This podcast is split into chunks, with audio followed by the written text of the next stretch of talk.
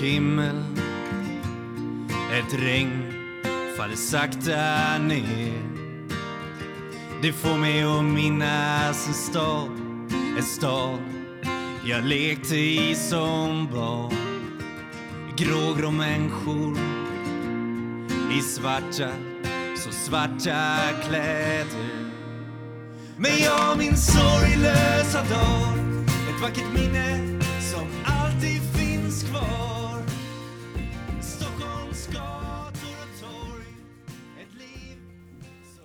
Ja, hej och välkomna till Beroendepodden alla fantastiska lyssnare, nya som gamla. Extra välkommen till dig som lyssnar för första gången och jättevälkommen tillbaka till alla er andra. Eh, det här är en podcast om alla olika sorters beroende, medberoende och psykisk ohälsa och jag som driver podden heter Anneli. Eh, podden har funnits sedan 2016 och eh, jag släpper ett avsnitt varannan vecka. Eh, I dagens avsnitt så pratar jag med en kvinna som heter Rika och eh, dagens avsnitt kommer handla om eh, psykisk ohälsa, ångest och relationer. Jag spelade in avsnittet för några veckor sedan och efter, ehm, efter avsnittet, eller efter jag hade spelat in avsnittet så släppte jag ju ett annat avsnitt. Så, för det är lite så att jag kan spela in flera avsnitt och sen så har jag dem liggande och så redigerar jag vart eftersom sådär. Eh, och eh, då släppte jag ett avsnitt här för två veckor sedan eh, med Hugo.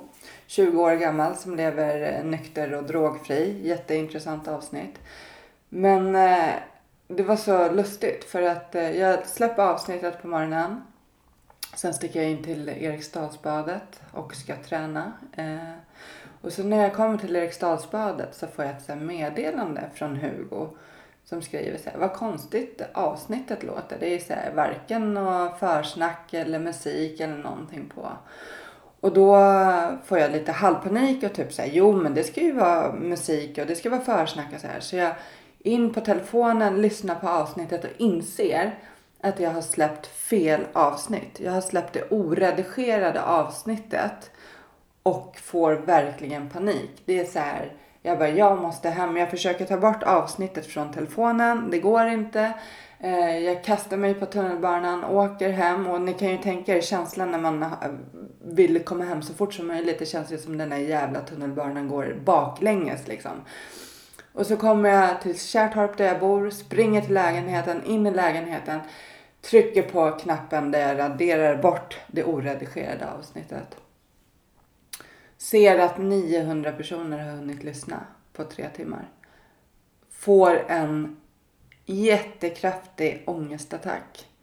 Eh, som jag sen förstår är en skamattack. Och liksom, den är så pass kraftig så jag vill kräkas.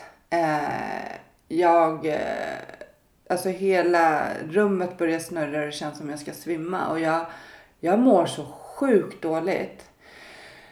Um, så det här, alltså verkligen en fysisk reaktion och jag bara känner så här, jag bara, är det kört? Nu lägger jag ner podden. Nu, eh, jag kommer aldrig våga visa mig ut igen. Jag är en loser, jag är helt dum i huvudet. Hur fan kan jag göra en sån här, sånt här misstag?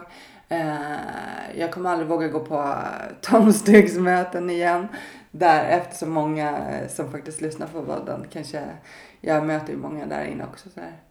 Och och jag mådde verkligen, verkligen jättedåligt den dagen. Dessutom fyllde jag 40 samma dag också så det var ju så här ingen bra födelsedag. Eh, men sen så kände jag så här dagen efter, alltså det, det blev lite som en så här botten samtidigt som det blev ett, ett uppvaknande. För att hela mitt liv, nu ska ju inte den här podden, det här avsnittet handla om mig. Vi ska ju, jag ska ju prata med Erika, men jag vill ändå berätta det här. För vi pratar inte så ofta om mig, utan vi pratar ju mest om den jag intervjuar. Men hela mitt liv så har jag varit styrd av rädslor, låg självkänsla och skam. Eh, och det är ju det som jag har druckit på. Alltså jag, jag var en människa som levde med konstant ångest 24 timmar om dygnet, sju dagar i veckan, året om. Eh, jag, eh, alltså jag hade sådana, jag, i slutet på när jag var aktiv så utvecklade jag social fobi. Jag klarade inte ställen där det var mycket folk. Um, ah, verkligen i slutet på mitt missbruk, då var det så här, jag kunde inte ens åka tunnelbana utan att dricka alkohol. För att jag eh, mådde så dåligt. Eh, ångest, låg självkänsla, skam. Men just det här skam, eh, så vi kommer inte nämna ordet skam så mycket i dagens eh, avsnitt. Men, men det har jag ju insett efter för förra veckans händelse. Så har jag så här, ah men det är ju skam. Och jag har tänkt väldigt mycket på det sedan dess. Och jag kommer släppa avsnitt där vi pratar mycket om skam. För jag tror att det är någonting som vi behöver prata mer om. För det är nämligen så här, jag har ju förstått att jag har haft jättemycket skam från start liksom, hela mitt liv. Um, jag har inte så mycket skam längre utan det var ju vid det här eh, få enstaka tillfällen. Men alla människor drabbas ju av skam till och från i sitt liv. Men för mig har det ju varit så här, den här ångesten jag har känt större delen av mitt liv förstår jag idag har mycket med skam att göra. Um, och så, så vi kommer prata mycket om, om det i framtiden. Jag tycker det är jätteviktigt. För det jag gjorde efter den här dagen när jag egentligen bara ville typ dra täcket över huvudet och aldrig visa mig ut igen. Det var att jag istället började prata om det jag kände. Jag gick på tolvstegsmöten. Eh, jag berättade att jag kände skam. Jag berättade exakt vad jag kände. Och det fina var att fler började prata om det då. Plus att jag kände att det jag bar på blev väldigt litet. Och nu två veckor senare så mår jag mycket, mycket bättre än vad jag gjort på väldigt, väldigt, väldigt länge. När jag vågar liksom vara sårbar. Jag vågar visa vad jag känner. Jag vågar visa vad jag liksom går och tänker på. Och, um, ja, det är viktigt att vi pratar om det, om det. För att när man lyfter upp det i, i ljuset så blir det mindre. Um, och med det vill jag säga till er som kanske mår dåligt eh, och lyssnar på podden så finns det på hemsidan en flik som heter Hjälp att få.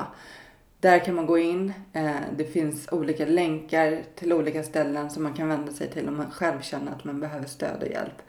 Eh, jätteviktigt att be om hjälp. Du kommer få hjälp. Eh, vi är många här som vill hjälpa till.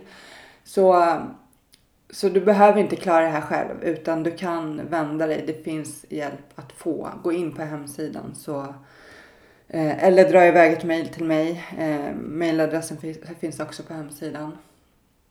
Jag, ja, Beroendepodden är ju mer än bara en podcast.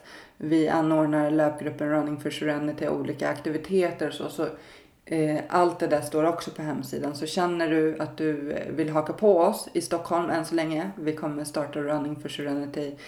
Vi har i, Kärt, eller i Flaten, vi har eh, snart i Södertälje, vi kommer ha Kristinehamn snart och förhoppningsvis så kommer det finnas lite överallt inom få år. Eh, men som sagt in, eh, våga be om hjälp. Vi klarar inte själva, men det finns hjälp att få och det finns verktyg. Och um, fortsätt dela podden på sociala medier så fler människor hittar till podden. Tillsammans så gör vi förändring och tillsammans är vi starka. Och nu ska jag släppa in Erika, dagens fantastiska gäst som delar med sig av sitt liv, hur det var, vad som hände och hur livet ser ut idag. Och vill önska alla er en fantastisk dag. Kram på er.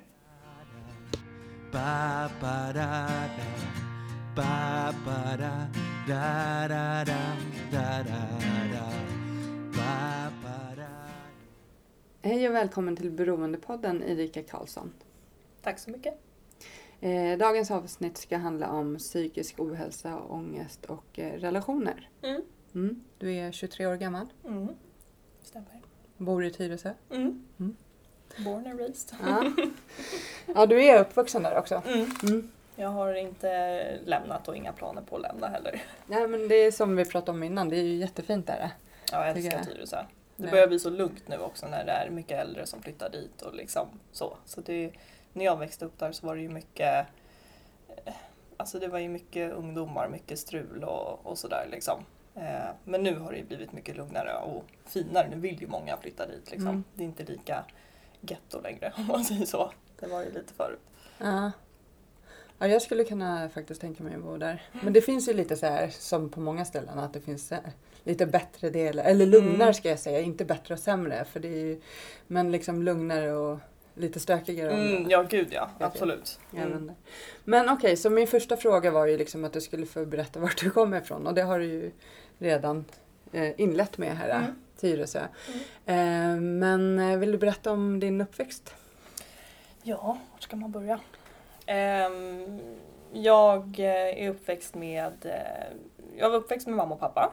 Mm. Eh, De skilde sig när jag var sex. Mm. Och ehm, jag minns ju egentligen inte så mycket hur jag mådde under skilsmässan. Utan det var ju att eh, pappa, han såg bara till sig själv och sina egna intressen. Och liksom, han jobbade mycket och det var bara mecka bilar och båtar och sådär. Eh, så att mamma har ju varit den som har funnits för mig och min stora syster hela tiden. Och alltid hämtat och lämnat i skolan och lagat mat och sådär.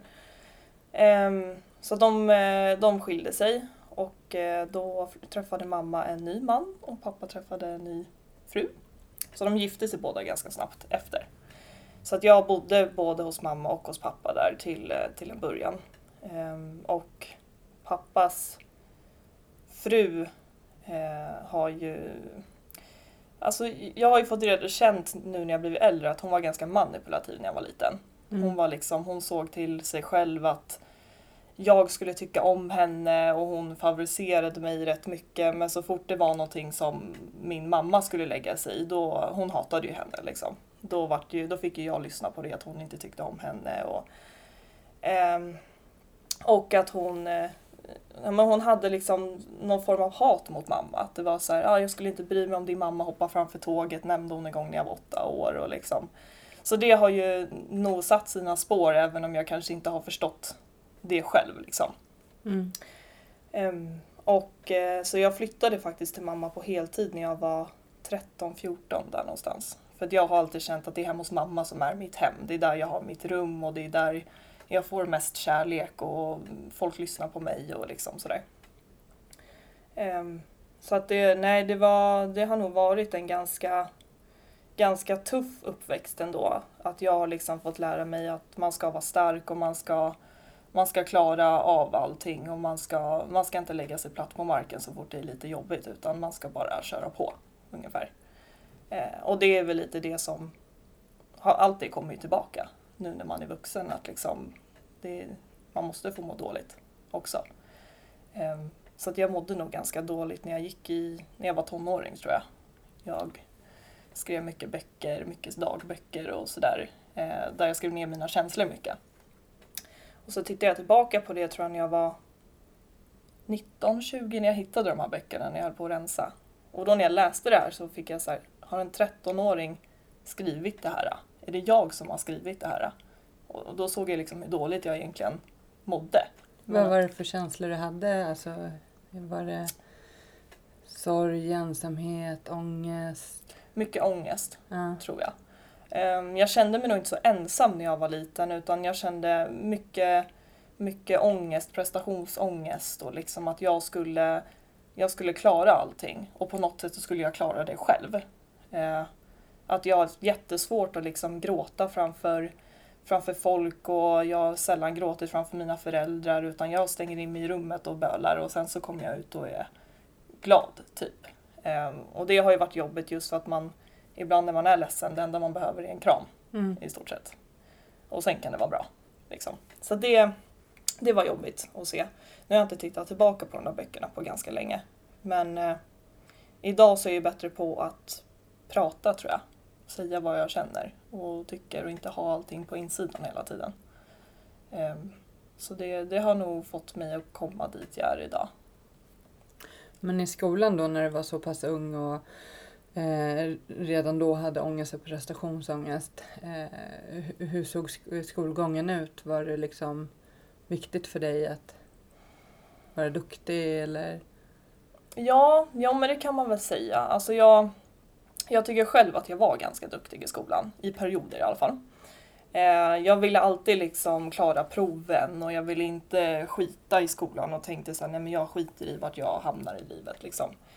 Eh, sen hade jag väl en period där, där jag skolkade väldigt mycket och jag fick typ godkänt i alla ämnen och då var jag nöjd. Men då, då var det ju också att mamma sa till mig liksom att ja, men om inte du tar dig i kragen nu så kommer du, då kommer du hamna på plattan. Liksom. Du kommer stå där på plattan med, med alla alkoholister ungefär eller sitta på en parkbänk. Är det det du vill? Lite så. Så det var ju ganska hårt sagt. Eh, även om det är på hennes sätt som hon menar av kärlek bara. Så det fick ju mig att tänka lite att okej, okay, men det är ju, skolan är ju faktiskt viktig. Jag kan ju bättre än det här. Men det var ju lite mer intressant att vara ute och röka cigg och fest var mycket roligare och liksom allting förutom att plugga var ju roligare. Eh, så att jag tror ju, alltså jag hade ju mycket att jag hade svårt att sitta still ibland och jag tänkte väldigt mycket. Jag var väldigt mycket inåt. Så, eh, så att jag har ju tänkt att typ har jag ADHD eller har jag ADD? Någonting är det för att det är aldrig tyst i huvudet. Det är alltid någonting annat som är viktigare än det som faktiskt är viktigt, det jag borde lägga tanke och energi på. Ehm, men eh, jag klarade mig igenom skolan i alla fall. Det, det har jag klappat mig på axeln för faktiskt. Men eh, dina eh, föräldrar och din uppväxt, var det, fanns det någon psykisk ohälsa så där eller något beroende eller? Nej, alltså mina, mina föräldrar, jag har ju sett min mamma full typ två gånger i hela mitt liv. Eh, jag har ju fått reda på att pappa har, de, de mamma har berättat då, att pappa har ju liksom, Eh, de träffades när mamma var 19 och han var 25. Och han vart ju alltid, varje gång han drack så vart ju han alltså extremt full. Um, och jag har väl sett honom extremt full två, tre gånger i mitt liv också kanske. Uh, så att när mamma berättar om hur pappa var, uh, eller är kanske fortfarande när han dricker, att han blir alltid jättefull och han liksom hade ställt sig och, och kissat på, i hörnet på deras heltäckningsmatta när de bodde ihop. Och liksom, han förstod inte liksom att vad gör du för någonting? Toan är två meter ifrån, gå och kissa där istället. Mm. Eh, spydde på golvet som mamma fick ta hand om och sådär. Så att jag vet inte om det är något beteende som jag har fått ifrån honom. Att det kanske har gått vidare till mig. Att jag har hans sätt att tänka på när man, när man dricker. Eh, men jag tror att han har nog han är inte en sån person som bryr sig så mycket. Han är liksom såhär, ja ja, men det är sånt som händer, livet går vidare. Han reflekterar inte så mycket över sånt. Medan jag är den som reflekterar och tänker och får ångest över sådana situationer. Nu har inte jag stått och kissat i ett hörn men man har gjort bort sig på fyllan några gånger liksom. Mm. Och det kan ju sitta, ångesten kan ju sitta i liksom en, två veckor även fast jag kanske inte ens behöver ha ångest över någonting. Så tänker jag alltid på vad jag sa och vad jag gjorde och inte bara att nej men det var roligt, jag hade en rolig kväll. Eh, så alkoholen har ju skälpt mig ganska mycket. När kom alkoholen in i, i bilden eller i, i ditt liv? Eh, den ja, första fyllan var ju när jag var 14. Mm. Då var vi hemma hos en kompis till mig som fyllde 14. Eh, och där så delade jag en kompis på en flaska vodka och då halsade man ju den liksom. Mm. Eh, vi hällde över i en sån Fanta-flaska som jag gick runt och halsade på så det var inte att vi blandade ut den heller. Och då vart det ju, hade det jag vart väldigt full så att vi skulle, jag tror vi skulle röra oss vidare därifrån till, till någon efterfest eller så. Men jag däckade ju bara ute på, på gatan liksom. Jag kunde inte stå upp. Så då fick de ju hälla en hink vatten över mig för att de trodde att jag var medvetslös nästan. Eh, så den, där och då borde jag ju känt liksom att nej, jag kanske inte ska göra det här igen. Eh, men det blir ju liksom att nej, men det var ju roligt ändå. Det var ju en skön känsla att vara full och det var roligt och tills man däckade mm. såklart. Men eh, det, var, det var där det började liksom. Och så tyckte man det var kul att dricka en gång till sen. Sen vet jag inte hur länge det dröjde innan jag gjorde det nästa gång. Men eh, den gången kommer jag verkligen ihåg. Den sitter i. Mm. Men eh, men sen har du ju haft en hel del problem med psykisk ohälsa. Mm. Och då är det just ångest eh, du har haft. Mm. Och hur har det liksom varit? Alltså det har... Hur har livet sett ut? Det har begränsat mig väldigt mycket. Det har liksom... Jag har på något sätt känns det som att jag har onödig ångest ibland. Mm. Att jag vet att den är där. Eh, men jag kan tänka liksom att, men varför har jag ångest över det här? Varför? Det finns ingen som tänker på det jag gjorde den här gången utan alla reflekterar ju över vad de själva säger och gör. Eh, så på något sätt så blir det att jag tänker att världen kretsar kring Erika. Liksom. Alla tänker på vad Erika säger och vad Erika gör och kommer gå runt och prata om mig. Ehm, så, det, så kan det ju fortfarande vara idag för mig, att ångesten kommer och går. Men på något sätt så känner jag att jag hanterar den lite bättre. Det är så här, ja men ångesten är där, men jag vet att den försvinner. Jag vet att den är här en stund och det är bara att acceptera den. Och sen så försvinner den. Liksom. Men eh, mycket ångest kom ju när jag träffade mitt, mitt ex. Mm. Då då. Eh, Vi träffades när jag var 18 tror jag och då var jag tillsammans med min, eh, mitt, min första pojkvän när vi träffades. Ehm, Så att eh, sen så fattade jag väl tycke för, för honom. Vi gjorde ju aldrig någonting med varandra förrän jag hade gjort slut med mitt ex då. då. Eh, Och sen, han var ju spännande och han var ju någonting helt annat som jag inte har träffat förut. Liksom. Han var lite så här bad boy, liksom hade den stilen. Behandlade mig jättebra till en början, vi hade roligt liksom och det kändes spännande.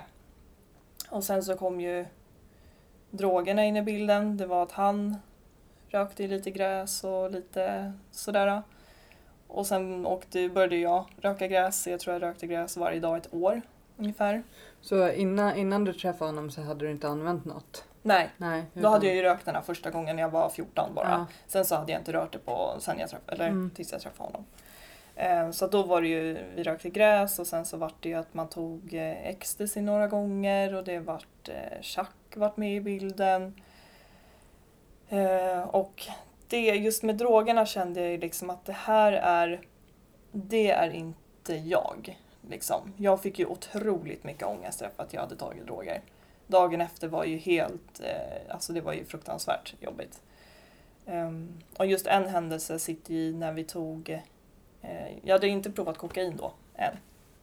Eh, men det hade ju han gjort så då var det ju att vi tog, som man tog kokain tog jag chack. Så det var sprang, man sprang och tog det, fyllde Mm. på hela tiden. Eh, och den kvällen faktiskt så Eh, så kände jag att det vart alldeles för mycket. Jag gick, jag gick och spydde hela tiden och låg bara och skakade i hans knä liksom och kände så här, ah, nu- jag håller på, nu dör jag, kände jag. Och då vart ju han orolig, så här, ska, vi ringa, ska jag ringa en ambulans? Liksom, det, här, det här är inte bra. Ehm, men det ville jag inte. Så att jag, var ju, jag satt vaken hela natten över en papperskorg och bara liksom stirrade ner i den i timmar. Men där vart jag jätterädd. Det var, då trodde jag faktiskt att nu, nu dör jag. Nu är det färdigt liksom. Ehm, och sen så drog, tog det väl någon vecka så var man på drogerna igen. Mm. Man lär sig ju inte riktigt hur, hur farligt det är. Mm. Även fast jag borde gjort det där liksom. Ehm, Så det var, det är också någonting som, aldrig, som jag aldrig kommer glömma. Som jag aldrig vill hamna igen liksom. Men relationen i sig var dysfunktionell. Mm. Mm. Vad var det som... eh, För du sa att i början var han snäll. Vad hände sen? Alltså det vart, drogerna blev vårt förhållande Mm. kan man säga. Ehm, Vi, och sen drack vi ju rätt mycket också. Så att drogerna blev, vi mådde som bäst tillsammans när vi hade droger i kroppen. Eh, Vi hade roligare, vi pratade mycket mer med varandra och vi gjorde mer saker på något sätt. Och när vi inte tog drogerna så var det ju, då bråkade vi hela tiden. Alltså jättemycket, vi kallade varandra för fula grejer och vi, Eh, vi hade, då förstod vi att vi har ju ingenting gemensamt. Det är drogerna som vi har gemensamt. Det är då vi är glada tillsammans. Eh, och nyktra så är det bara liksom så här, då vill jag knappt vara med honom. Jag vill inte se honom liksom.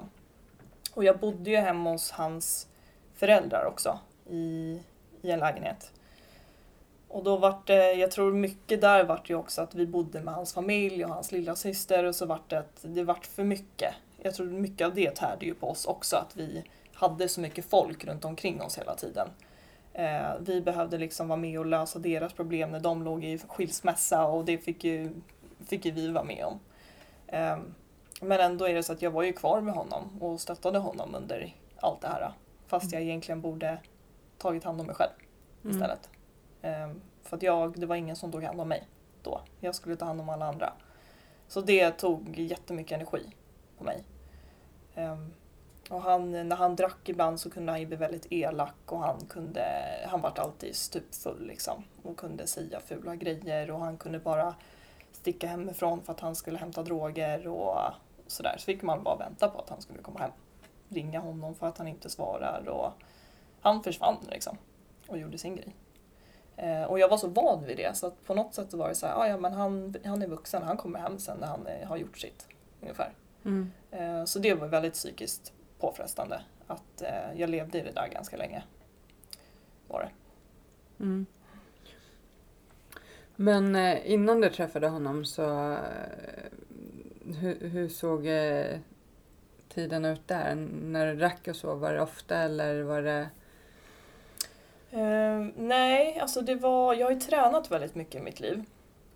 Eh, jag har ju, jag tränade kickboxning och kinesisk boxning när jag var yngre. Mm. Eh, jag tror jag la av med kickboxningen där när jag var 14 tror jag. Och då träffade jag min första pojkvän som jag var tillsammans med i tre år. Så han och jag tränade ju väldigt mycket tillsammans och vi drack ibland liksom så. Och han var ju sju år äldre än mig så han var 20 när vi träffades. Eh, Men vi hade det intresset att vi tränade mycket ihop och gillade att leva hälsosamt och sådär. Så att med honom så var jag ju alltså ganska lugn som person. Bara det att jag, jag tappade känslorna. Jag kände att vi är inte rätt för varandra. Vi hade kunnat vara jättebra vänner kanske. Men eh, jag ser inte honom i långa loppet. Liksom. Jag var så ung också. Mm. Han var ju liksom 20 och hade haft eh, ja, förhållanden, han hade festat och allt det som han hade gjort hade ju jag kvar. Mm. Så det vart liksom att jag, bilden av oss suddades ut jättemycket eh, efter tiden. Liksom. Och sen så kom ju nästa in i bilden. Mm. Ehm, så att jag har ju jag har ju inte varit, egentligen så har jag inte varit så mycket själv under mitt liv. Jag har alltid haft eh, alltså en pojkvän så. Ehm, men på något sätt så är det ju att jag ångrar ju ingenting av det för jag har lärt mig så himla mycket också av det. Även om det har varit bra och dåligt liksom. Mm. Men eh, jag tänker kring ångesten som du har haft. Alltså, kan du minnas hur ung du var? Liksom när, när du fick ångest? Eller från när? Alltså inte riktigt faktiskt. Um, jag, alltså jag hade ju min, jag hade min första panikångestattack eh, med mitt ex då. Då tror jag att jag var 19. Mm. Och då var det att jag var med en tjejkompis till mig. Vi var hemma hos honom då. Jag tror han var på jobbet. Och så kände jag bara ett sånt här tryck över bröstet. Jag bara, gud men jag kan inte andas. Någon, det är någonting som inte stämmer. Och hon försökte förklara liksom att jag tror att du kan ha en panikångestattack. Liksom. Det, det är inget farligt. Men jag kände bara, nej men vi måste åka till akuten nu. Så att vi satte oss på bussen och åkte till, eh, till akuten i Handen. Eh, och så satt vi där och väntade lite och sen fick jag göra såna här EKG. Eh, och då sa ju läkaren att det, du har, det är inget fel på dig. Liksom. Jag tror att du har haft en panikångestattack. Liksom. Eh, och den kommer jag ihåg mycket väl. Att allting som hade skett under den perioden bara liksom kom på en gång. Och då skulle jag hantera allting samtidigt. Ehm, så att innan det så kommer jag liksom inte riktigt ihåg den här äh, känslan. Eller liksom känslan av ångest. Fast jag nog, den har nog alltid funnits där på något sätt tror jag. Faktiskt. Ehm, Så nej, den är, den är svår. Men eh, vad hände sen då efter panikångestattacken? Fick du någon hjälp eller sökte du någon hjälp eller? Nej, jag gjorde inte det. Jag sökte ingen, ingen hjälp, även fast jag hade egentligen behövt det Mm. då. Men jag hade ju, alltså mina vänner fanns ju för mig jättemycket under den här perioden när jag liksom de kände, alltså de kände ju inte igen mig under den här perioden. Jag var ju verkligen inte mig själv. De började oroa sig för att det vart mer och mer droger och eh, alkohol och eh, att vi bråkade hela tiden och de såg ju att jag började liksom Erika började för, försvinna lite grann. Så att de hjälpte mig jättemycket under den här perioden. Att jag, jag kände att jag kommer ta mig igenom det här, de finns ju där liksom. Så att jag kände mig inte ensam under den perioden faktiskt. Eh, även fast jag mådde jättedåligt och helst bara inte ville ha någon hjälp egentligen. Jag tänker bara att jag klarar mig själv. Mm. Och det är jättedumt. Men det är någonting som jag alltid har, det är ju sedan barndomen att man klarar sig. Det är liksom bara ställ dig upp och gå framåt Mm. ungefär. Så att ja, det, det, var, det var tufft faktiskt. Och eh, du och din eh, pojkväns eh, bråk, och så, blev de fysiska eller var det psykisk, psykisk misshandel eller gick det över någon gång till? Alltså jag såg ju det som psykisk misshandel. Mm. Att han liksom eh, Ja men så fort han drack mycket så kunde han liksom kalla mig för alltså, elaka saker. Han kunde kalla mig för hora och fitta och liksom så väldigt hårda ord. Ehm, och han eh, Eh, en gång i Spanien eh, när vi var där, då var vi med hans pappa och hans eh, lilla syster. Så åkte vi till Spanien och vi hade, skulle vara där en vecka, all inclusive, var, vi hade jätteroligt. Och sen tror jag det var näst sista kvällen så gick vi till en bar i närheten. Och då hade vi, vi hade ju druckit i stort sett hela dagen. Jag tror vi drack rom och cola. Det är liksom jättemycket sprit och jättelite cola. Men eftersom man drack lite varje dag så vart man ju aldrig så här jättefull. Liksom. Man, alkoholen var alltid i kroppen. Så att jag höll, det ganska stabilt ändå.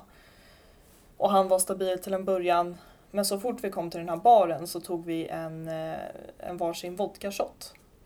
Och jag har ju, det har ju kvar sedan den här fyllan när jag var 14 att jag kan inte dricka ren sprit. Speciellt inte vodka. Så att jag gick och- till toan och spydde upp den här på en gång. Um, och när jag kommer tillbaka då så ger han mig en så här jättekonstig blick. Eh, den är helt svart. Eh, och jag var väl borta i fem minuter ungefär. Sen kommer jag inte riktigt ihåg vad han sa till mig men han sa någonting elakt i alla fall. Jag kommer inte riktigt ihåg vad det var. Eh, Så att, och den här baren var så himla liten och jag ville bara ta mig ut därifrån. Jag ville bara ut. Så då kom, har inte jag någon minne av att jag tar upp en barstol för, som står i vägen för dörren och så hade jag kastat den mot baren. Det här kommer inte jag ihåg. Men jag tänkte bara, jag ska bara ut. Eh, och jag kommer ut. Hans lilla syster springer efter mig och kramar om mig och kollar om allt är okej liksom. Ehm, och sen ska vi lämna den här baren och då, då går han lite framför mig och då vill ju han liksom mucka gräl med det, här, med det här paret framför oss som bara går och håller varandra i handen. Och då säger jag till honom, liksom, slår till honom lite på axeln, liksom så här, men de har inte gjort dig någonting. Nu fortsätter du bara gå framåt. Eh, så på något sätt så vet jag inte om jag provocerade honom lite. Eh, för att det var inte han som var där, han var helt eh, svart i blicken. Liksom. Eh, så att när vi börjar närma oss hotellet så är det liksom som ett litet torg där folk kommer ner som ska ner mot stan. Och då vill ju han på något sätt ge sig på mig, jag vet inte. Så vi springer som i en boxningsring. Jag försöker skydda mig från honom och han vill liksom komma åt mig. Då ger han mig en spark i ryggen, Mm. eh, i svanken. Och då, det gjorde ju jätteont såklart, men det är ingen som gör någonting. Det var en hel folkmassa och, och alla stannar upp och tittar men det är ingen som gör någonting. Så att jag säger liksom bara varför är det ingen som gör någonting? Eh, när jag tittar på de här personerna. Så gick jag bara emellan folkmassan liksom. Och då försvann ju han en stund. Vi gick runt och letade efter honom och för att vi visste ju att han, det är inte bra om han är ute på stan själv när han är sådär. Så han var nog borta i en, två timmar kanske. Och från ingenstans så dyker han upp till hotellet. Eh, och då hade jag och hans syster suttit och pratat med några spanjorer eh, och eh, bett dem hålla koll om han kommer liksom. Så. Och då vart han jättesur när han såg att jag satt och pratade med en annan kille. Liksom, du ska inte prata med henne, det här är min flickvän och du rör inte henne och sådär. Och jag bara, men herregud, har du tappat det helt? Förstår du inte vad du gjorde precis? Så att vi går in på hotellrummet, vi satte oss på altanen där, då kan man hoppa över till grannen liksom, på muren bakom. Eh, så då sitter han bara och tittar på mig och börjar kalla mig för hora och fitta och du är så äcklig och ja, herregud och jag vet inte vad det var. Så att då, vart ju, då fick ju jag nog. Så jag hoppar ju ner från den här muren och bara smäller till honom i ansiktet liksom, med, med handen. Så då börjar han jaga mig genom vårt hotellrum. Så att jag springer ju mot toaletten. Samtidigt som hans syster hoppar över till vårt rum och hans pappa kommer på andra sidan. Ehm, så han får ju tag i honom och hon står ju och försöker skydda mig med armarna framför kroppen så. Och då spottar han ju mig i ansiktet. Um, och sen gick vi och la oss. Vaknade upp dagen efter. Och han, jag skulle gå upp och äta frukost och då frågade jag, ska du med och äta frukost? Nej men älskling kan du inte komma och lägga det här istället? Och då sa jag liksom att du rör inte mig någonsin igen. Och han har ju ingen minne av det här. Han kommer inte ihåg någonting. Um, så att jag är ju så här, vad hade hänt om inte de hade varit där? Om, jag Mm. hade, om det här bara hade varit han och jag, vad hade hänt om, om inte de hade varit där? Så det är ju också någonting som jag kan när jag pratar med mina vänner idag, att vad hade hänt om inte de hade hjälpt mig? Ehm, och det är så här, jag vill ju inte tänka på det och på något sätt så blir jag förlåtande mot honom för att jag är så här, men han kommer ju inte ihåg det här. Han hade ju en blackout liksom. Han skulle väl aldrig göra illa mig. Ehm, Så han bad ju om ursäkt för den, hade jättemycket ångest och sådär men det är fortfarande inte okej. Mm. Det, han gick över gränsen. Verkligen. Men det tog, tog inte slut då utan ni var... Nej, det gjorde Nej. inte det. Nej. Vi, ehm, vi kom hem och då var allting som vanligt en stund. Vi gjorde ju slut fram och tillbaka hela tiden. Det var ju liksom han och jag. Vi, vi älskade varandra ena veckan så gjorde vi slut andra veckan. Och, eh, så det var ju destruktivt hela tiden. Vi förstod att vi borde ju inte vara med varandra. Vi bråkade ju framför våra vänner och alltså föräldrar. Allting. Det, det var så destruktivt det bara kunde bli liksom. Mm. Men jag förlät alltid honom, Mm. vad han än gjorde. För att jag älskade ju honom. Liksom. Ehm, Men eh, sen när det väl sista gången när, det, när jag fick nog på riktigt, då, sen dess har jag inte tittat tillbaka. Det är över ett år sedan nu. Mm. Så då var jag singel i sju månader. Ehm, började festa ganska hårt, började ta kokain ganska mycket också. Ehm, mådde jättedåligt under den här perioden. Inte för att han och jag hade gjort slut utan för att jag tror att jag visste inte vem jag var riktigt. Jag hade ju levt i det där så himla länge med droger och alkohol och det var ju mitt liv. Mm. Ehm, så att jag fortsatte i sju, sju månader tror jag, i stort sett varje helg med droger och alkohol och sen vart det att man man hade väl lite så här man tröstade sig med sex liksom. Man hade sex med någon på fyllan och sen så dagen efter var det så nej men gud varför hade jag sex med honom? Och, så det, jag, jag fuckade ur i sju månader med allt verkligen. Mm. Eh, Så att jag ångrar jättemycket att jag hade att jag tröstade mig med, med sex och eh, droger och alkohol. Ehm, men sen så Den träffade sexbiten kan ju också skapa ännu mer ångest liksom. Ja, ja, gud ja. Det, det gjorde det verkligen. Det var ju inte att jag... jag på något sätt så tänk, tänkte jag att jag fick, jag fick känslor för alla som jag var med. Mm. Att det var liksom att nej men det här är en person som tycker om mig och den här personen kan, kan jag mysa med och jag kan vara med den här personen. Så att det, var, det väcktes ju känslor i stort sett för, inte för alla, men för de flesta. Men det var inte känslor för personen i sig utan det var ju känslan av att jag inte, nu behöver inte jag vara ensam. Mm. Det här är en person som kan hjälpa mig att ta, ta mig igenom det här jobbiga liksom. Eh, så det var trösten att så här, ja men bara jag har någon så, så är det lugnt liksom. Eh, sen förstod jag ju vad riktig kärlek var när jag träffade min nuvarande sambo som jag har nu. Att eh, han, när jag, första gången jag träffade honom så var det bara det var bara rätt, det var så det skulle kännas. Han har ju räddat mig från allt det onda liksom. Jag kom ju från drogerna när jag träffade honom. Mm. Då slutade jag faktiskt. Helt och hållet. Ehm, för att jag kände att det här, det här är inte jag. Jag vill inte vara så här längre. Ehm, så att jag eh, hade festat hårt en helg, kom till jobbet på måndagen och eh, bröt ihop för min chef och sa att jag har tagit jättemycket droger, jag dricker jättemycket och jag, jag mår inget bra. Ehm, och sen den dagen så, så läm- då tog jag inget mer efter den helgen. Drogmässigt. Mm. Det var bara så här, jag behövde typ bara få det ur mig och säga att jag har problem. Jag behöver hjälp nu. Eh, så att hon var ju stöttande i det och sa liksom, behöver du min hjälp så hjälper jag dig. Behöver du vara borta från jobbet för att ta hjälp så är du det liksom. Ehm, så bara att höra att man, man fick stöd fick mig att kämpa och bara så här, nu, nu är det bra. Nu vill jag inte mer. Så det var en häftig känsla faktiskt. Mm. Och då la du ner droger helt. Men du, ju, du dricker lite alkohol ibland. Ja. Det gör du. Mm. Men hur är det med din äh, ångest då? Hur eh, hanterar du den idag? Den är ju, alltså den är ju kvar. Mm. Den är... Den... Det är liksom var och varannan vecka tror jag att det kan komma ångest.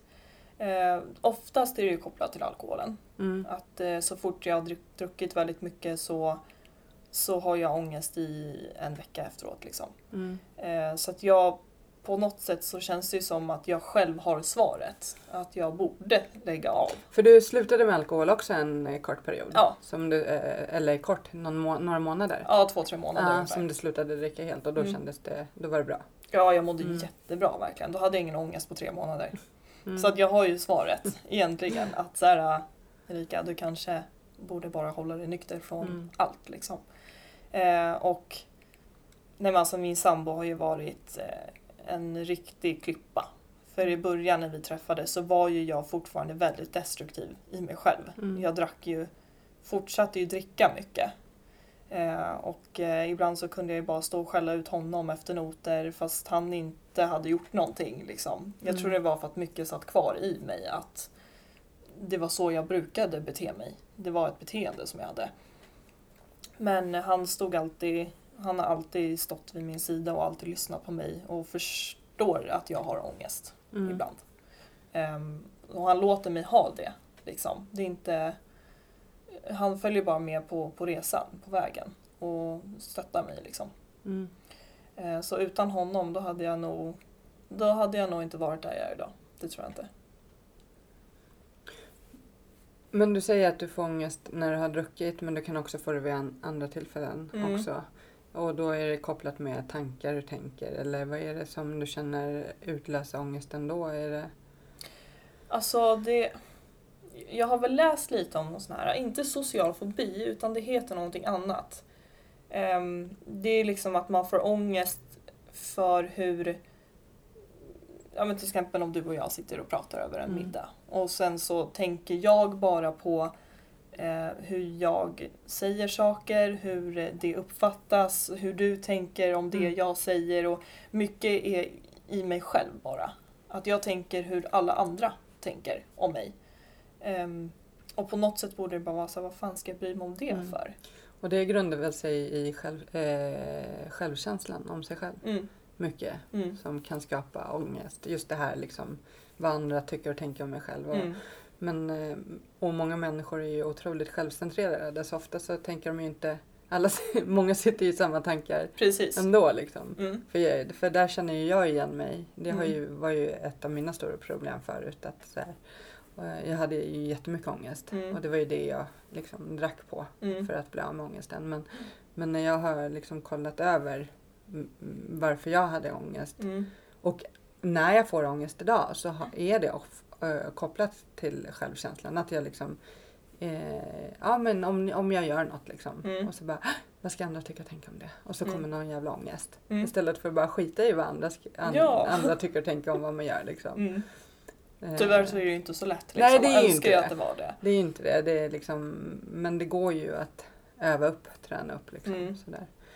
Ehm, det är ju väldigt många människor som eh, lider av ångest. Mm, Gud ja. Det är fruktansvärt. Och jag eh, vet ju hur det känns att ha ångest och panikångest. Och Mm. det, är inte, det är inte kul liksom. Nej. Så det eh, men, eh, men hur känner du liksom idag? Vad, vad tar du till för eh, när, när ångesten kommer? Hur, har du något så här du bara låter vara och väntar ut det? Eller? Ja, alltså lite så. Jag har Mm. lärt mig hantera, alltså jag har lärt mig liksom tänka ångest på Mm. något sätt. Att säga okej, nu har jag ångest. Eh, jag vet att den finns och jag vet att den går över. Och sen så vet jag också att även om jag får ångest för en grej som har hänt så vet jag att när nästa grej händer, då kommer den här grejen försvinna. Då har man ju glömt bort den. Ja, ja. då har det aldrig hänt. ja, ja men så brukar jag tänka nu när, om det upp, uppstår också så här, Mm. den känslan att man bara uff. Sen bara okej fast om tre dagar då har jag glömt bort det här. Ja, ja. liksom, så här. Och då, då släpper den ju lite snabbare. Mm. För då har man ångest över någonting annat. Liksom. Så här, kommer det något nytt. Ja. Ja. Ja. Jo men för man kan ju tro ibland att när jag sitter med podden att jag alltid mår bra och lever ångestfritt men så är det inte. Alltså, jag har ju, idag har ju jag verktyg som jag tar till för att må bra Mm. och använder jag mig inte av dem så eh, känner jag ju det på mitt eget mående. Liksom. Mm. Så det gäller ju hela tiden och just hur man tänker kring situationer och hur man tänker kring sig själv. Och, Precis. eh, sådär. Så det, man lär sig av sig själv Mm. mycket. Alltså av sin historia. Mm. Mycket att eh, Alltså att om man tänker tillbaka, säkert för dig också, att ångesten som du hade då Det är så här, ångest kommer alltid finnas där men man, man känner liksom att man har den under kontroll på något Mm. sätt. Att man liksom Man vill ju gärna ha det i alla fall. Mm. Att man lär sig att det, det är okej. Mm. Ångest kommer och går. Det är liksom som regn och solsken ungefär. Mm. Det är verkligen så.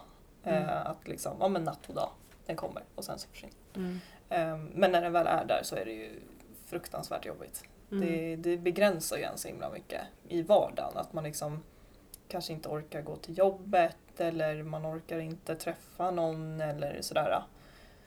Ehm, Men idag så har jag förstått att när jag har ångest då ska jag jobba. Eh, Då funkar jag som bäst. Mm. För då tänker jag på jobbet. Då hinner inte jag tänka de här jobbiga tankarna. För att eh, jag är optikerassistent så där är det liksom, jag måste vara med i huvudet hela tiden när det handlar om ögonhälsa. Liksom. Jag kan inte bara sitta och tänka på någonting annat och svara någonting som är fel. Liksom. Mm. Så att jobbet hjälper mig jättemycket när jag inte mår bra. Mm. Gör det. Om det är livsfarligt att isolera sig själv hemma i Mm. sin egen lilla bubbla med sina egna tankar. Utan Mm. när det där kommer då är det bra att vara på jobbet eller Mm. ta sig ut till ett socialt sammanhang eller sådär så att man Tänk, bara inte tänker på det. Liksom. Ja. Mm. Oftast är det ju liksom eh, när man mår dåligt så är det liksom, det är ju hemma man vill vara. mm. Men då blir det att ångesten sitter ju i väggarna Mm. sen. Eh, kände jag för två månader sedan, då hade jag min en ångestperiod också. Och då kände jag liksom, nu har jag suttit här, ehm, för då var jag arbetslös ett litet tag. Mm. Nu har jag suttit här i en vecka, nästan två veckor och bara mått dåligt. Och då var jag så här, nu måste jag ut från mitt hem för att ångesten sitter i väggarna. Jag får panik av att vara hemma. Mm. Hemma ska vara ens liksom comfort zone. Det, var, det, ska, det ska vara där man laddar batterierna. Liksom. Men där var det bara usch, nej jag kan inte vara hemma. Det är, det är bara ångest i väggarna. Ehm, och sen så när ångesten gick över så vart det min comfort zone Mm. igen. Men eh, dina föräldrar, vet de om eh, hur, hur du har mått? Har ni pratat? Har ni kunnat prata om det? det är, som jag förstår som så kanske ni inte har pratat så mycket känslor och så. Att det Nej. har varit en sån familj man inte säger så mycket. Nej, känslor har vi inte pratat så himla mycket om. Eh, sen har jag har ju kunnat gå till mamma liksom, om det har varit någonting så jag har inte känt att nej men jag kan inte gå och prata med mamma. Men eh, jag var ju så, så mycket rebell när jag var liten så att för min mamma var ganska hård. Hon var liksom så här, du får utegångsförbud och du ska lägga mobilen i köket när du kommer hem. Och liksom.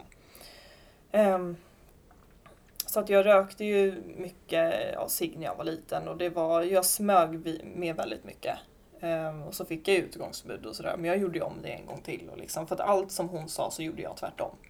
Just för att hon och jag är så himla lika varandra så jag kände att jag tänker inte lyssna på henne. Ehm, och sen så var det ju en, en period där jag eh, hade, jag hade festat en, eh, en kväll. Och så hade jag sovit hos en kille i närheten av, eh, av eh, mitt förra jobb i Nacka. Och jag tror vi festade, vi drack sprit fram till fyra på morgonen och jag skulle börja jobba klockan nio. Det var ju som klappat och klart för att gå åt helvete liksom. Mm. Eh, jag gick till jobbet ändå. Jag eh, åk, åkte dit och bytte om och liksom gick ut i butiken och, och körde. Men så tog min chef in mig på kontoret. Och så sa hon liksom att vad, vad har hänt? Du luktar sprit och är jätteotrevlig. Eh, och jag bara, jaha, vad ska jag göra åt det då? Ungefär. Jag var så jag, jag brydde mig inte liksom. Eh, och då vart hon besviken liksom att det här är typ den största säljhelgen på året och så kommer du alltså nästan skitfull till jobbet liksom. Det är inte smart. Och då så sa jag bara, ja men säg upp mig då. Om det inte passar. Ungefär så jätteotrevlig var jag. Eh, och sen bröt jag ihop för henne och sa att du har ingen aning om hur jag egentligen mår. Jag försöker bara hålla en fasad för att orka vissa saker men jag, jag orkar inte det längre. Liksom. Eh, så att jag åkte hem från jobbet den dagen. Jag hade ju inte kunnat fortsätta jobba. Och sen så mådde jag så himla illa på bussen så att jag fick hoppa av tidigare. Och för att jag plingade på stoppknappen och liksom höll för munnen att nu, nu måste jag spy. Eh, Och det var ju mitt på dagen, liksom på en torsdag. Och alla byggarbetare tittar på mig när, när en tjej sitter och spyr på gräsmattan. Liksom. Mm. Och jag var så här, jag bryr mig inte, jag måste bara få ur mig det här. Och sen tog jag en promenad hem på en halvtimme och då, då ringde jag faktiskt till mamma och eh, berättade för henne att jag, jag är så trött på mig själv, sa jag. Och då tyckte hon att det lät som, vadå, är du trött på att vara själv? Jag bara, nej, jag är trött på mig själv. eh, så då öppnade jag upp mig om eh, hur mycket jag dricker och eh, att jag har tagit droger ehm, under en ganska lång period. Liksom. Och då var ju hon jätteorolig och ledsen och bara, men gud vad har du tagit för droger? Så då var det så här, då nämnde jag ju alla droger jag har tagit. Så det var ju så här, ja men jag har rökt gräs, jag har tagit ecstasy, jag har tagit chack, jag har tagit kokain och jag var så här, gud listan är ju Mm. lång. Och hon var jätteledsen och sa liksom, jag trodde mycket om dig. Men jag trodde inte att du tog, tog eh, droger. Det var det sista jag trodde om dig. Um, så att eh, hon sa att vi får prata mer om det här när jag, när jag kommer hem. Och jag kände liksom i den stunden att den enda jag vill ringa till nu det är min mamma. Och bara gråta. För att jag orkar inte hålla på i, alltså gå den här vägen längre. Så att jag tror att efter, efter det så fick ju hon och jag en bättre relation. Vi kom lite närmare varandra. Att vi kunde börja prata mer om saker och sådär. För att vi funkade ju inte så bra ihop när, jag bod, när vi bodde tillsammans. För att vi Mm. har varit så lika så vi har ju bråkat jättemycket och därför har jag bara skitit i vad hon säger och liksom så. Så att relationen blev mycket bättre när vi flyttade ifrån varandra och när vi började öppna upp oss mer. Prata om saker. Liksom. Man, tänker man förstår inte det alla gånger bara. Att man faktiskt bara är mänsklig. Mm. Men eh, vad skulle du säga till de, de som lyssnar då, om man har ångest? Vad, har du några tips du vill ge? Alltså, man ska, man ska definitivt våga prata om det. Mm. Man ska verkligen prata om det och liksom prata, går det inte att prata med vänner och familj, prata med en psykolog. Alltså hitta en psykolog som man, som man känner att man kan bilda en relation med, som man litar på. Ehm, och liksom också förstå att man inte är ensam. Att eh, ha i tänket att det är, det är verkligen som regn och solsken. Att när ångesten kommer så bara acceptera att den är där. För den kommer försvinna. Den kommer inte alltid vara där. Det är nog mitt verktyg som jag kan ge till andra. Mm. Att eh, vara, alltså du är inte ensam. Det kommer bli bra. Exakt, våga be om hjälp och det finns ju mycket hjälp att få. Eh, men jag kan känna skillnaden eh, nu mot när jag var i din ålder och hade ångest. Eh, man pratade inte så mycket om ångest. Nu finns det ju så poddar och det står mycket i tidningar om psykisk ohälsa och liksom ja, på nätet och det är ändå någonting som börjar eh, pratas mer om Mm. överallt och det är ju super super bra Mm. för att när jag tänker efter nu när jag sitter och lyssnar på dig jag tror inte ens jag hajade att jag hade ångest förrän Nej. jag typ slutade dricka liksom. Nej. Eh, jaha, var är det det jag har haft hela livet? Från Mm. jag var, kan, när jag tänker tillbaka så var jag nog runt åtta år när jag kan känna att jag hade det första gången. Mm. Liksom. Mina första minnen sådär. Så det är bara det är ju superbra att man idag liksom Jaha, det finns något som heter ångest och panikångestattack och Mm. hur känns det liksom? Och som du beskrev med att eh, tryck över bröstet och har du haft andra symptom också på så fysiska som du Mm. kopplar till ångest? Alltså väldigt trött Mm. har jag nog blivit. Alltså det är för att hjärnan går ju på i 180 hela tiden Mm. liksom, med alla tankar som kommer. Eh, så att mycket trötthet och irritation och alltså orkeslöshet Mm. eh, har varit mina tecken. Att liksom, man borde bara stanna ner lite och kanske reflektera och börja ta hand om de här bitarna. Mm. Ehm, för att jag har, inte- jag har inte varit så bra, så bra på att ta hand om det egentligen. Och bara liksom, Erika du kanske inte klarar det här själv. Du kanske behöver hjälp. Det är okej att ta hjälp. Mm. Ehm, men alltså, jag har ju haft min sambo liksom. Och han var ju min, han var ju min alltså, räddare i nöden. Min prins på den vita hästen liksom. Som kom in i mitt liv och bara räddade mig. Och han har ju fått, han har ju fått höra hur tacksam jag är att han, han kom in i mitt liv och liksom tog mig för den jag är. Och vet att jag har mycket i mitt bagage och att jag inte är lätt alla gånger. Men att vi funkar så himla bra ihop, att vi kompletterar varandra så himla bra. Mm. Ehm, så den hjälpen och att jag tog hjälp av eh, psykolog för att prata om drogerna och alkoholen. Mm. Eh, jag går och pratar med henne än idag om, eh, om mina problem. Så att, och hon är också väldigt peppande. Att hon säger gud jag får rysningar på armarna när du berättar hur långt du har kommit och jag börjar nästan gråta för jag är så stolt över dig. Och liksom, hon har ju sett bara resan på ett halvår vad som har hänt. Mm. Att det har blivit mycket bättre. Ehm, så att eh, hjälp finns att Mm. få. Verkligen.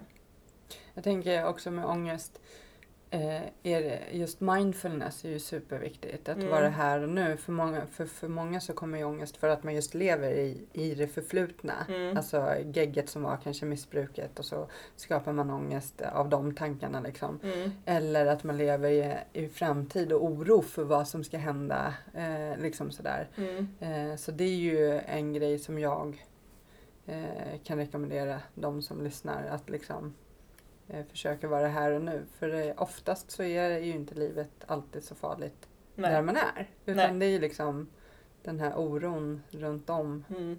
Vad händer i framtiden eller om man har råkat göra något Mm. skit på fyllan tänkte jag säga. Ja, det får inte finnas kvar för länge. Eh, Nej. Den jobbiga känslan Nej. att man gjorde bort sig en gång. Liksom. Mm. Eh, Det är nog inte sista gången man gör bort sig heller. Det behöver inte vara när man är onykter. Utan Nej, nej, det är liksom, man kan ju Ja. göra bort sig hela tiden. Ja. Och på något sätt får man så här, kanske acceptera att ja, men jag kanske är så. Ja. Kanske är en sån som gör bort mig ibland. Men det är skitsamma. Det är jag. Mm. Liksom. Att eh, man måste förstå att det är inte fel att göra bort sig. Mm. Eh, det är okej Mm. också. Eh, Så Mm. länge man intalar sig den positiviteten så borde det vara sitt eget verktyg att bara liksom släppa det som var Mm. och titta framåt och vara i nuet och inte titta bak. Mm. Exakt. Mm. Jag håller med dig. Ehm, ja, är det något annat du vill säga till lyssnarna innan vi avslutar? Ehm. Oh, gud. Nu ska man säga något som låter bra. Ehm, nej men liksom lite som jag sa innan att tänk inte att du är ensam för att så är inte fallet. All hjälp finns att få. Mm. Eh, och vi måste prata om det. Det är jätteviktigt att prata om det. Eh, så att håll ingenting inne utan öppna upp dig. Så kan det vara en stor hjälp till att må bättre. Tack så jättemycket att du kom och ville dela med dig av din historia. Tack för att jag fick komma. Och all lycka till i framtiden. Tack så mycket.